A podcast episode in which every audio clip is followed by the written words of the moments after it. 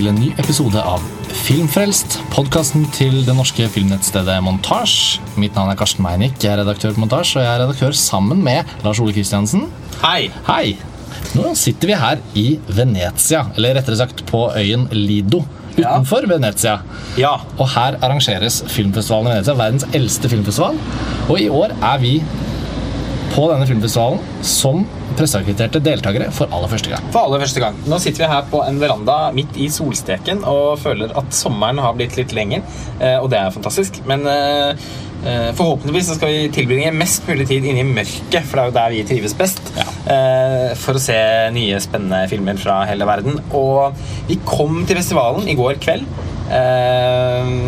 Og gikk glipp av pressevisningen av Birdman. Av diverse årsaker så fikk vi ikke sett den i går.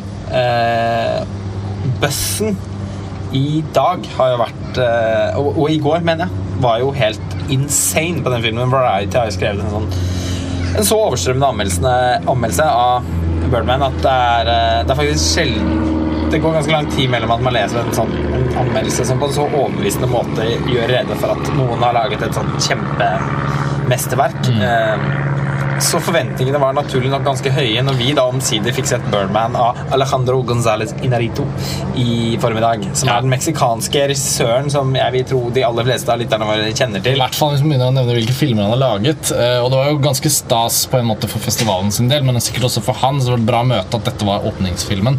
Eh, trailerne har jo vært ute en stund. Ser veldig lovende ut. Filmen har eh, alle mulige Altså Rammeverket, hele liksom, presentasjonen, alt man har fått se før denne premieren, har jo bare vært veldig lovende. Det ser bare fett ut. Han jobber med Emanuel Lubeski, som selvfølgelig da For første gang. Jeg Ja, har alltid og- jobbet med Prieto tidligere. Rodrigo Prieto. Og Lubeski er liksom i form, kan man si. I hvert fall sånn form at han har landet på et sted hvor anerkjennelsen også kommer da i, i bølger mot han. Han kan de fleste anerkjent som kanskje vår tids eh, største filmfotograf. Ja, han er har litt sånn for følelsen Og så løfter han liksom nesten alt han er med i. Det er noe med det. Han er det. Han er, ikke, liksom, han er ikke min personlige nummer én, men han eh, han, har, ja, han har i mange år vært på den list, shortlisten. Holdt jeg på å si. Ja. Uh, og jeg har liksom følelsen at særlig med de, når han liksom, med The Tree of Life eh, og så Gravity, uh, som han vant, endelig vant da en Oscar for, Ja. så har det vært en veldig sånn derre Han er liksom stjerna, da. Mm. Uh, og som sagt så er det første gang Narito jobber med han, og man skjønner hvorfor han jobber med Lubeski på akkurat denne filmen Ja. når man ser filmen, fordi hele filmen består av altså en, på en måte en virtuell one take. Det ser På samme måte som Rope av Alfred Hitchcock, så ser filmen ut som den er liksom skutt i én sammenhengende tagning. Den er jo selvfølgelig ikke det, men uh, fordi det Sydd sammen. den er sydd sammen. Det eneste filmen som er, så, som er en spillefilmlengde som ha, faktisk er skutt i en tagning, er vel Alexander Sukharovs 'Den russiske arken'. Ja. Og det er jo litt annet uh, prosjekt. Eh, Men det, men det Inaritu her eh, gjør Nå er- foregriper jeg filmen litt. Ja, men det er greit. Det er jo sånn vi ofte gjør det. I hvert fall, altså vi, Som sagt, vi hadde jo en litt sånn krøkkete ferd til Venezia, men ikke noe å klage over. Et par kansellert, En kansellert flygning, litt ombookinger og tiden som bare løper. Så vi rakk ikke akkreditering. Ja, du dro den korte versjonen. Jeg måtte selvfølgelig komme inn på det. Men uansett, vi klager ikke i det hele tatt. Det er, det er veldig flott å skulle være i Venezia, og vi er her i hele festivalens lengde. Og filmen, filmen vi har startet med, er åpningsfilmen, så sånn sett har vi ikke gått glipp av noe. da. Og Birdman føles jo også som en av de få filmene som vises i Venezia i år, som har en reell forhåndshype. Altså, jeg tror mange av våre lesere og lyttere eh, vet om filmen og eh, har forventninger til den, og den har selvfølgelig en, en brillefin cast med, med amerikanske skuespillere vi kjenner til. og sånn, så, så i det store og det hele så er det jo en av de filmene fra Venezia som i størst grad lar seg snakke om uten altfor mange ytterligere introduksjoner. Og Ja, fordi veldig mange av de store titlene som liksom skal, som skal ut i løpet av høsten og vinteren, særlig amerikanske titlene, sånn, venter, altså, det var ganske mange filmer som man trodde kom til å ha premiere i Venezia, men som har premiere i Toronto. De sprer seg liksom litt utover Telluride, Toronto, Ja. New York Filmfestival, London Filmfestival etc. etc. Men i hvert ifølge fall- ja. nå, da, så er jo den ne, ne, altså sånn, så er det, skal det mye til å slå eh, Birdman som en frontrunner i forhold til altså, prissesongen, da, som kom Oscar, den såkalte Oscarsesongen. Så vi hadde jo da i hvert fall fått sett hva Variety skrev. Og, og her i Venezia, i motsetning til Cannes, så er det en sånn helt sånn vidunderlig rolig stemning, selv om, selv om festivalen er tungtveiende på sin måte, og selvfølgelig en veldig berømt eh, arena for visning av film, og alt dette her, så er det jo liksom når vi nå går rundt i gatene og, og, og går inn på visninger og på alle mulige måter så er det en, en sånn ekstremt sånn dempet og herlig sånn ustresset atmosfære. Ikke noe problem å komme inn på filmene og få gode seter og alt det der. Og Birdman da ble vist i formiddag, og, og da kunne vi jo også forholde oss til bussen. Så nå er vi jo da kommet til det punktet hvor introduksjonen er over, føler jeg. Ja. Eh, filmen. Filmen, altså, men Før filmen, da, hvilke forhold har du til Inaritu fra før av? Fordi han er en filmskaper som er litt sånn polariserende. Ja, eh, han har blitt det, opplever ofte at jeg liksom møter folk som filminteresserte som nesten sånn forakter Inaritu. Ja, det, er så det er jo helt merkelig, syns jeg. Altså, det har vært gryende polarisering, vil jeg da si. Fordi Inaritu han debuterte da med 'Elskede kjøtere'. Eh, en meksikansk flettverksfilm som, som jeg bare syntes var helt forbløffende bra da jeg så den den kom. Da visste jeg ikke hvem han var, selvfølgelig. Det var bare, men det var jo noe sånn meksikansk i luften den gang.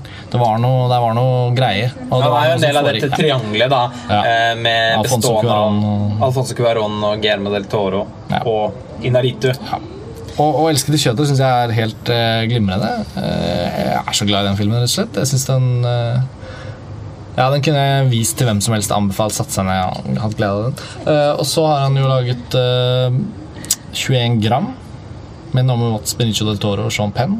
Som jeg har sett én gang. Det er sånn på kino, og jeg likte den veldig godt. Og så eh, er det Babel.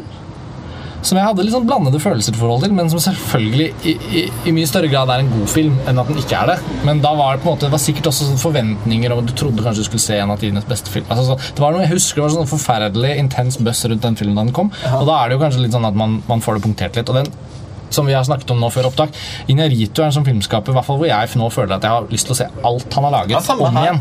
Ja, Sånn det- er- perfekt filmskaper for sånn reprisevisninger hjemme. Ja, for det er jævlig lenge siden jeg har sett noen av filmene hans. Så på en måte så ble jeg Men jeg har alltid likt han. Jeg har alltid likt filmene hans. Jeg har eh, likt også 'Elskede kjøtere' veldig godt da den kom. Spesielt den andre delen der, den som heter Daniel i Valeria, tror jeg den heter. i hvert fall Der hvor hunden forsvinner under Ja, det er helt fantastisk. Det er et mesterverk, Ja. den delen der. Eh, nesten sånn Louis Bunuel-aktig eh, sånn eh, ja, Den er bare helt fantastisk, syns jeg. Jeg har sett mange ganger. Jeg har faktisk ikke sett hele filmen mer enn tror jeg, to ganger. Men den delen har jeg sett separat i flere omganger.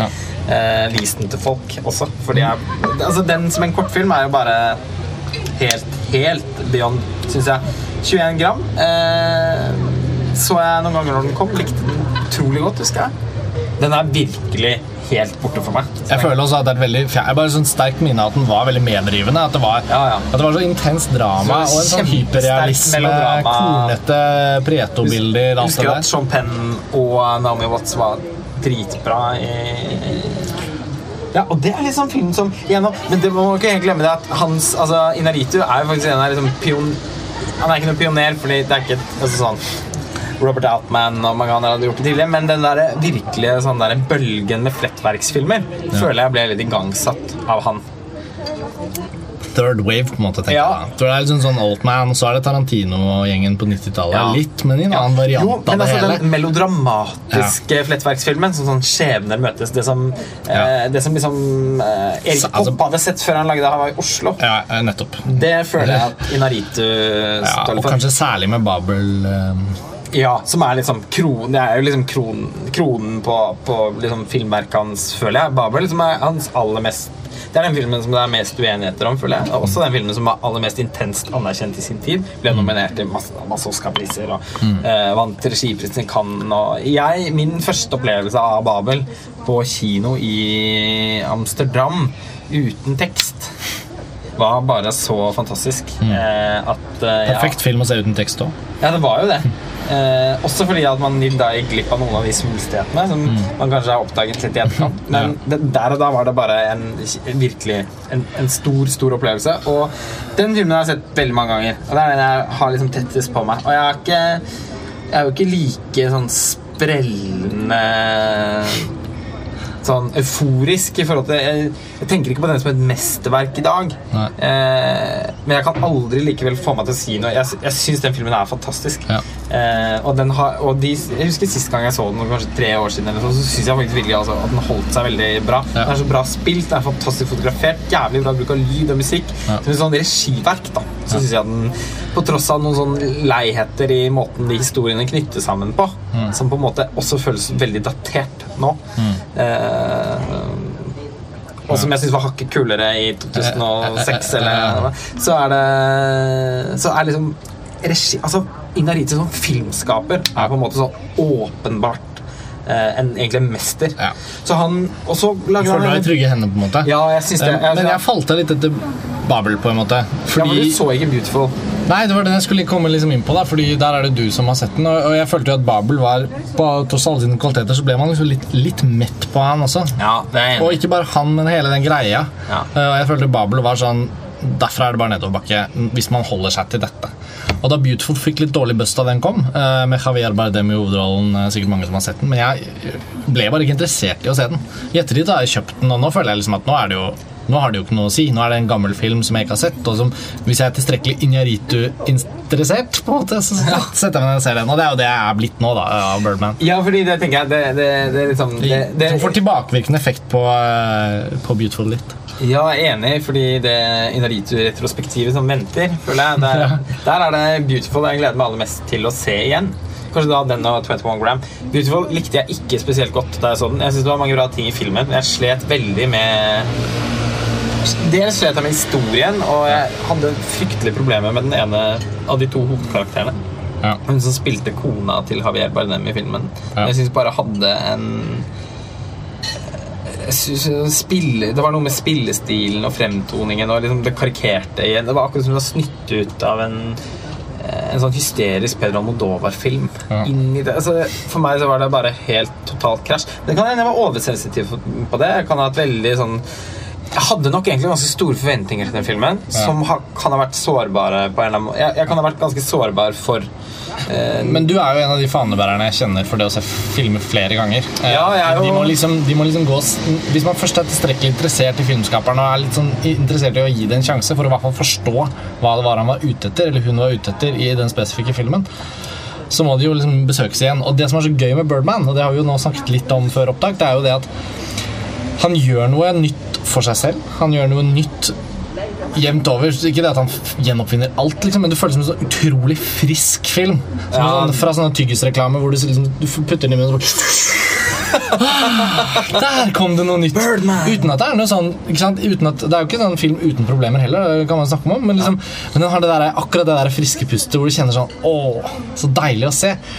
Og selv om det er masse sånn injarutianske trekk som man sikkert kan liksom plukke som nærsteder, og sånn, så er det jo en film som skiller seg ganske tydelig fra det han har holdt på med i de andre filmene sine. Ja. Og det tror jeg var riktig tidspunkt for han. Veldig riktig tidspunkt. Jeg tror folk hadde vært ganske Hvis han nå hadde kommet med en sånn eh, en, en dramatisk flettverksfilm, Ja. eh, så tror jeg han Fem forskjellige teatre på Broadway. Eh, Vi følger forskjellige typer skuespillere i forskjellige miljøer. De sliter med forskjellige ting, men det er også det samme. Da tror jeg noen hadde puttet klovnenese på han. Ja. Og det kommer ingen til å gjøre etter denne filmen, fordi eventuelt bare en Birdman-maske Ja. med et nebb. Ja. Fordi som et skritt i liksom, retningen som, som staker ut veien for eh, altså, For Inaritu videre som filmskaper og filmkunstner, så er jo dette helt fantastisk lovende, Ja. tenker jeg. Det er en, en energibunt av en film. Den er liksom Den er så intens og suggererende og masete. Eh, høylytt.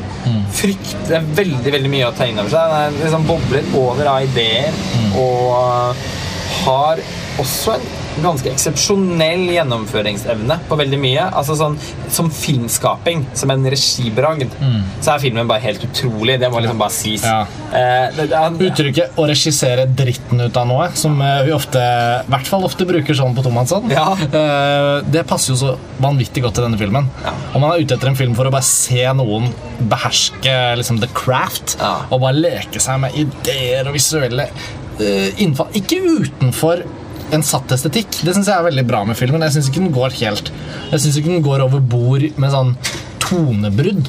Jeg syns den holder seg faktisk ikke. veldig til sitt opplegg. Ja. For det kan høres ut som det når man sier sånn Den har så sykt mye ideer, og den bare gjør alt. Men det er innenfor det der den har liksom satt seg. Ja, og det klarer og den er veldig. Naritu også. Så, Ja. så, så, og apropos, han er ikke akkurat tonebruddenes mann. Nei.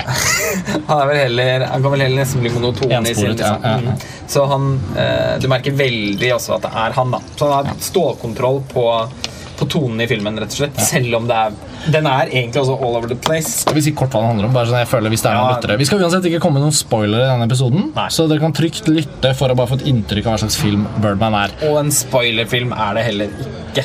På Nei, det er jo egentlig ikke det. Men likevel. Men det er alltid sånn. Man vil ikke vite sånn eller sånn. eh, Selvfølgelig ikke, og vi, dette er absolutt helt spoilerfritt.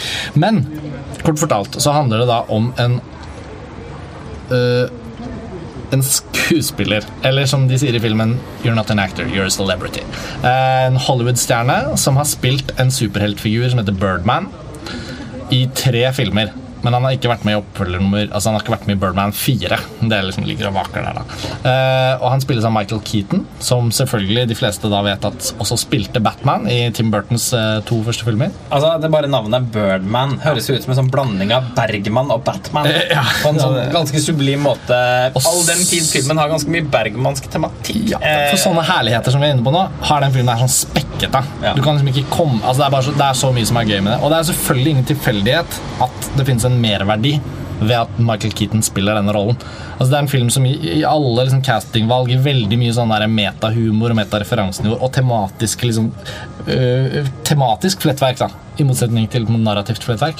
Eh, så er det så mye på gang her som er tilsiktet, og som det er lett å se, men som man likevel føler at det er gøy å oppdage. sånn Ja, ah, ja, mm, ja, å, der, ja. Det er noe med Michael Keaton ikke helt er altså Det er ikke det at han ikke er en skuespiller, for jeg har alltid likt Michael Keaton veldig godt. Men, ja, ja, men, han, men han er litt sånn ikke han er også litt sånn ikke-skuespiller altså, han er sånn Han er også først og fremst et navn. Ja. Som Michael Keaton Ikke helt et ikon heller. Det var også feil å si. Han er Men- ikke Billy Crystal, men Nei, nesten. men nesten. Han er kjendis. Ja, ikke så mye nå lenger, men han var det. Eh, man husker at det Michael Keaton ja, han spilte i mange filmer på 90-tallet. Ja, ja, ja. jo, ikke. Batman og Batman og Batman Ja. og Beetlejuice. Ja. Og Beetlejuice, ja. Den har ikke jeg sett. Ja, fantastisk Ja, eh, morsom jeg film. det. Men han eh, og, og det er virkelig en av hans sånn kuleste rolle. Det er ikke, Ja. Men altså, jeg har alltid hatt litt sånn altså, varmt forhold til Michael Keaton på en måte. Jeg har aldri hatt noe negativt forhold til Michael Keaton. Nei. Altså, men varmt så mener jeg at jeg alltid jeg liker altså, sånn, Ja. Oppsynet av han har jeg liksom alltid Å, det er Michael Keaton. Ja. Men det har aldri vært noen sånn fandom. Og det er nok jeg, jeg tenker at han har ganske få sånne fans. Ja. Altså, derfor, han passer så utmerket godt til å spille akkurat den karakteren, fordi han er jo litt som Michael Keaton. Altså Det er så bra, og det må jo på en måte ha vært noe sammenfallende her i casting og, og, og siste versjon av manuset, tilpasninger og sånn. Eh, Han, du, personen han spiller, i hvert fall heter Riggan Thompson. Han er denne Michael Keaton-aktige skuespilleren som nå har bestemt seg for å skrive, regissere og spille hovedrollen i et litt sånn alvorlig teaterstykke på Broadway. Og med det revitaliserer revitalisere sin måte, respekt og anerkjennelse i liksom, offentlighetens lys.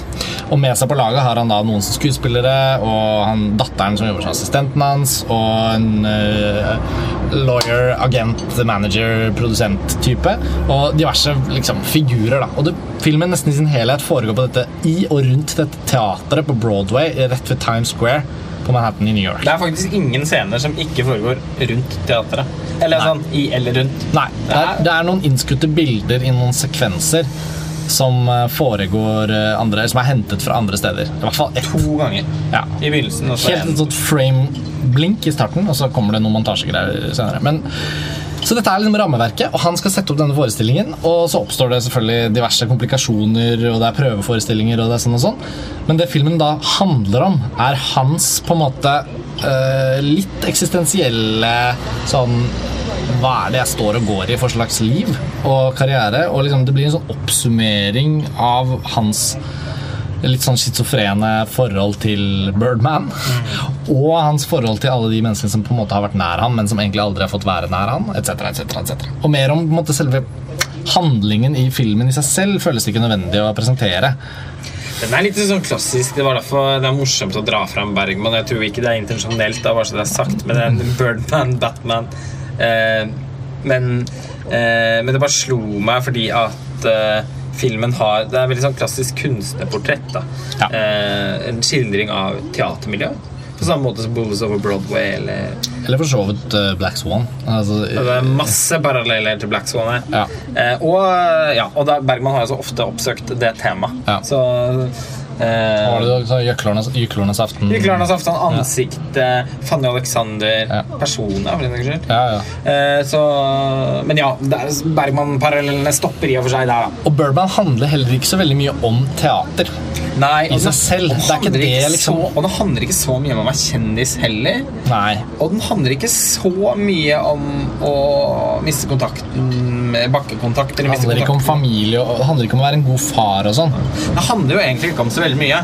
Eh, sånn in the end. Altså, den, eller den handler kanskje om veldig mange sånn små Eller den gaper over veldig mye. Ja. Sånn, det er, jeg syns det er litt vanskelig å komme fram en sånn ren tanke som kan beskrive hva, hva filmen handler om. Men det er utrolig mye av det den prøver å handle om, som den får til å handle om.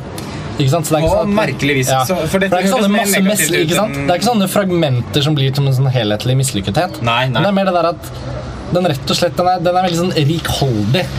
Det sant? den, den, det er akkurat som filmen liksom labber framover som en sånn vill hund, Ja. føler jeg. Det er jo så mye stedet Kameraet beveger seg nesten hele tiden. Ja, Det ja. så, oh, og litt av det, og litt av det, og litt Ja. av det, og litt av det, og bevegelsen stopper aldri, aldri, aldri. Filmen består jo da, som vi nevnte, av en Ja. long take, Ja. eh, som gir filmen et, et voldsomt sug, Alle scener er i one takes. og ekstremt mye bevegelse i kamera. Ja, ja. Det er ikke bare, det er ikke noe Haneke-longtekst. Altså, sånn, scenene er i one takes. Fantastiske sånne bevegelser rundt omkring. Det er jo en utrolig god rombruk og etasjebruk. Koreografien og, ja, i liksom kameraarbeidet er jo helt Men når scenene bytter.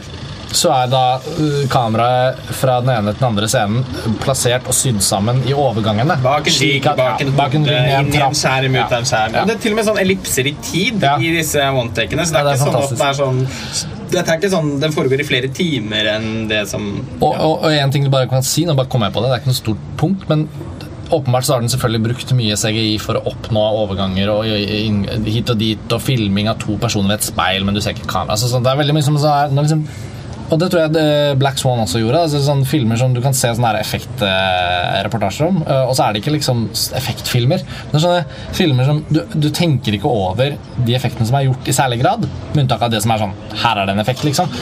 Men sånn, hvor det, liksom, det er den sammensyingen som de digitale verktøyene gir muligheten til.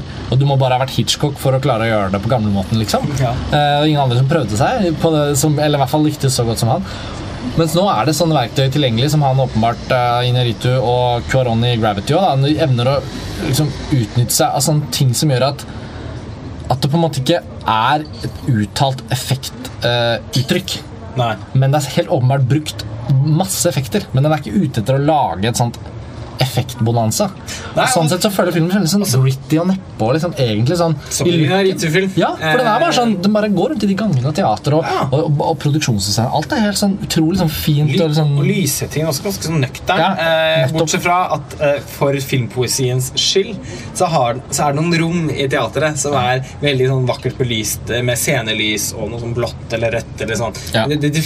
Backlighten og sånn er ganske kult. Eh, Så det er sånn, det er akkurat som De har sørget for å plante sånn, sånn. Du skal også få noe sånn virkelig sånn visual Mm. pleasure ut av å se filmen. Men først og fremst er det ganske sånn dokumentarisk i uttrykket.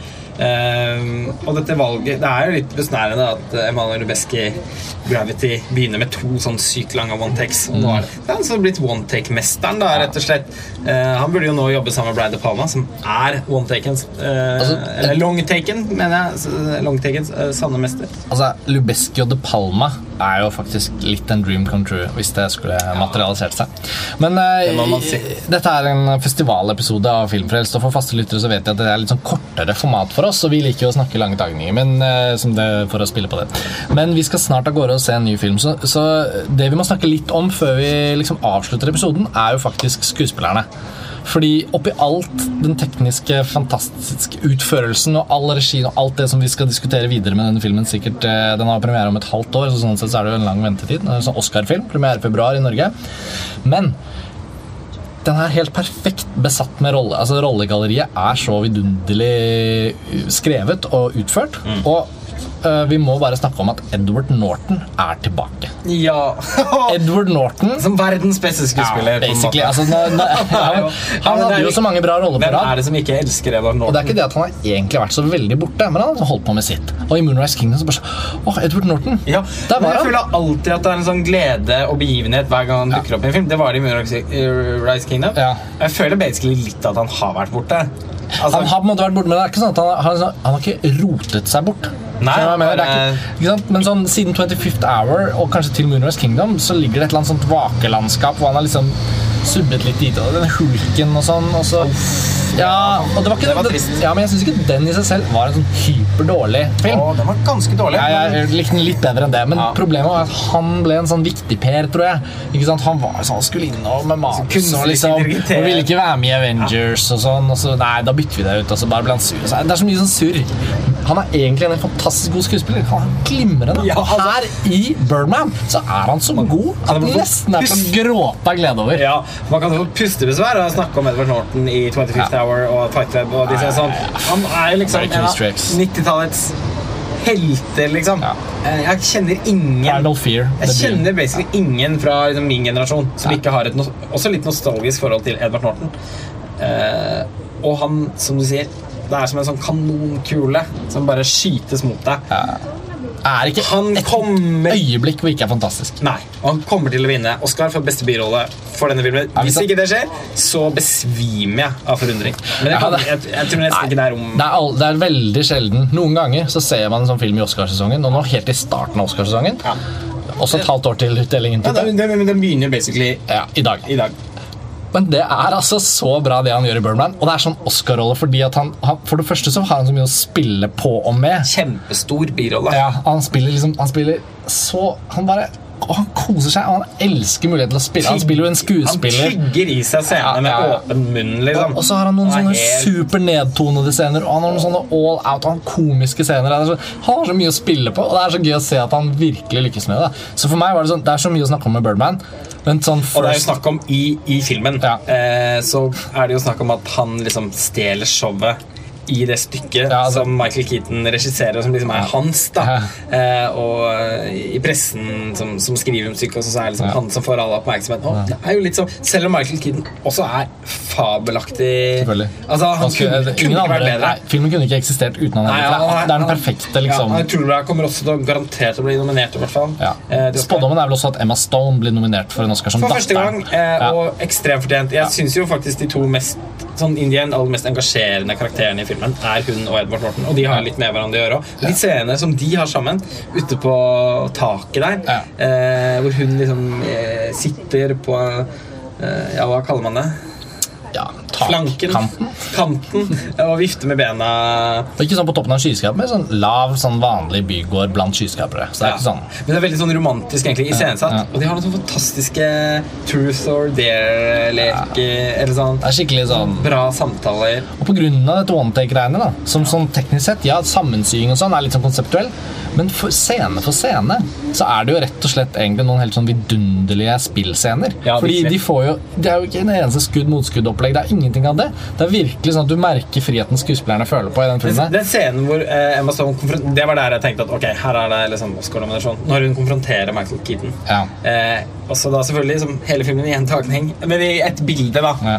Hvor hun liksom bare Og det var akkurat som liksom Hele ansiktet Hun tør å være litt sånn stygg i filmen. Og veldig vidvinkla òg. Så det Ja. var som om ansiktet hennes ble liksom utvidet som pannekake. Ja. Som flat. Øynene bare økte størrelse Gollum-style. Ja, sånn, Gollum, Jeg tenkte liksom, Hun ble liksom li, så litt ut som et amfibium liksom, Ja. i den scenen. men bare til positiv effekt. Absolutt. Ja. Eh, og den derre råskapen i den monologen hennes der var sånn enormt bra. Ja. Og, og alle scenene mellom hun og Edvard Norton, og alle scenene med Edvard Norton altså Mens han er med i filmen, så er den jo bare helt ustoppelig. I Ja. all, i, sånn, på alle måter. Ustoppelig god. Eh, også ikke til å stoppe sånn rent i forhold til hva den skal inneholde. og hvor Ja. den skal gå Men sånn in the end eh, Vi må faktisk nå Vi må ta to minutter på, Ja. på Fordi vi Avslutningsvis. ja, fordi Ja. jeg føler Jeg har jo Jeg syns jo likevel ikke filmen helt liksom blir et sånn 100% vellykket Eller vellykket er den jo selvfølgelig, men altså men det, Den er jo enormt vellykket Ja. på sitt og vis. Ja. Men det den, du, det du sa det så Den bra. er ikke perfekt. Ja, men dette er en film som heter Birdman, og det du sa var jo så bra. Den, den tar ikke av. Altså, den har ikke det derre det har ikke det vingespennet til Black Swan. for å si det sånn. Nei. Den klarer liksom ikke å få det der, i hvert fall ikke ved første gjennomsyn. Sånn som vi føler Det nå. Det kan jo endre seg hvis man virkelig får sånn satt hendene inn i den, men den emosjonelle, ubeskrivelige følelsen en film kan fremprovosere når, Ja. når den gir deg det løftet. Når et eller annet sted i filmen, gjerne da i siste tredjedelen, kommer noe som bare Så går man enda takk opp, og så blir alt større. Det har ikke Birdman. Nei, for den mangler det. Det er nettopp dette løftet som jeg er opptatt av. At, eh, for det er ganske mye rom for overskridelse her. Og, altså, bare hele den superheltfiguren, Birdman, hvordan den hjemsøker han som en slags demon. Eh, trusselen om å måtte ta steget ut fra kunsten og inn i Birdman 4. Altså, det er så mye potensial som ligger der. Ja. Og jeg føler eh, Det som liksom hindrer filmen i å faktisk være da, på en måte et mesterverk som mange har hyllet den som Han prøver å lage det. Ja, og, og det har jeg total respekt for. At en filmskaper bare liksom Nå skal jeg lage et mesterverk. Og den er eh, Den, den, har, liksom, den har nesten alt som skal til, men det mangler det litt sånn uanstrengte emo, emosjonelle løftet. Fordi det er akkurat sånn at du ikke helt bryr meg nok om han Michael Keaton-karakteren. Eh, Edward Norton, ja, men han forsvinner også ut av filmen. Men Ikke sånn at han forsvinner, men han bare faller til siden for fokuset i filmen. For han er veldig sentral. Han går fra å ha eh, ja. liksom 60 screentime til sånn 5, 5 ja. mm. Så, eh, så han er jo litt sånn at han forsvinner. Og, og han tar med seg noe ut av filmen, føler jeg. Og Michael Keaton, på, kanskje også pga. at filmen har vært så interessert i han Amazon, så er det akkurat sånn sånn mm, At jeg ikke bryr meg sånn Jeg bryr meg, bryr meg om Michael Kilton sin karakter, men ikke sånn Ikke 100 Nei. Og da Og når filmen heller ikke Liksom Når filmen ikke har den derre Sånn der inn fra venstre, et sånt poeng da Som bare sånn, men nå skal, jeg, nå skal du vite hva denne filmen egentlig handler om. Og det har den ikke.